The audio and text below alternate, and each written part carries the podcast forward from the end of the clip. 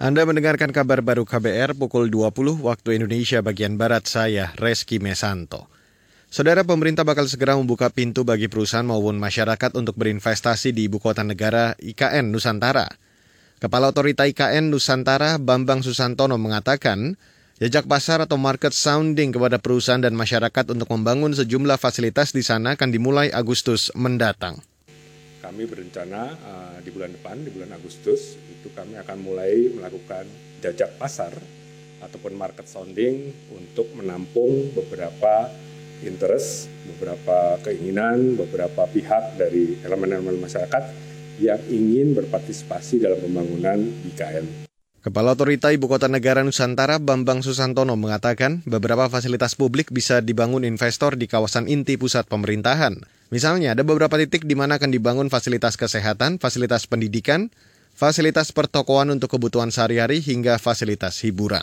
Beralih ke berita selanjutnya, Saudara. Wakil Menteri Perdagangan Jerry Sambuaga melakukan inspeksi mendadak di Pasar Rogo Jampi, Banyuwangi.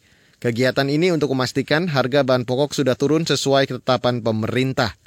Jerry mengklaim beberapa harga kebutuhan pokok sudah turun seperti minyak goreng yang dibanderol Rp12.000 per liter, jauh di bawah harga eceran tertinggi yang ditetapkan pemerintah sebesar Rp14.000.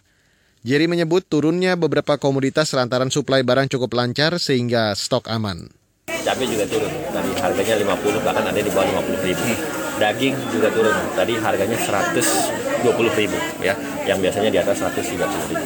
Nah tentunya kita berharap mudah-mudahan harga tetap stabil dan yang paling penting adalah stok ya ketersediaan cukup. Dan tadi saya tanya kepada teman-teman, kepada para pedagang, bapak ibu yang berdagang tadi eh, ketersediaan stoknya cukup dan tidak eh, ada masalah. Mudah-mudahan Penurunan harga ini juga diakui pedagang pasar Rogo Jampi. Pedagang mengatakan harga sejumlah kebutuhan pokok mulai turun, bahkan penurunan sudah terjadi sejak sepekan terakhir. Saudara Parlemen Sri Lanka hari ini menetapkan Ranil Wickremesinghe sebagai presiden baru negara itu. Ranil sebelumnya sudah enam kali menjabat Perdana Menteri. Ia akan menggantikan Gotabaya Raja Paksa yang melarikan diri ke luar negeri. Wickremesinghe mendapat mayoritas suara di parlemen yang beranggotakan 225 orang pada pemungutan suara rahasia. Ia mengalahkan lawannya Doles Ala HP Ruma, bekas jurnalis yang memegang berbagai jabatan di kementerian sebagai anggota partai berkuasa SLPP. Ranil akan meneruskan sisa masa jabatan Raja Paksa yang akan berakhir pada November 2024. Dan saudara, demikian kabar baru saya Reski Mesanto.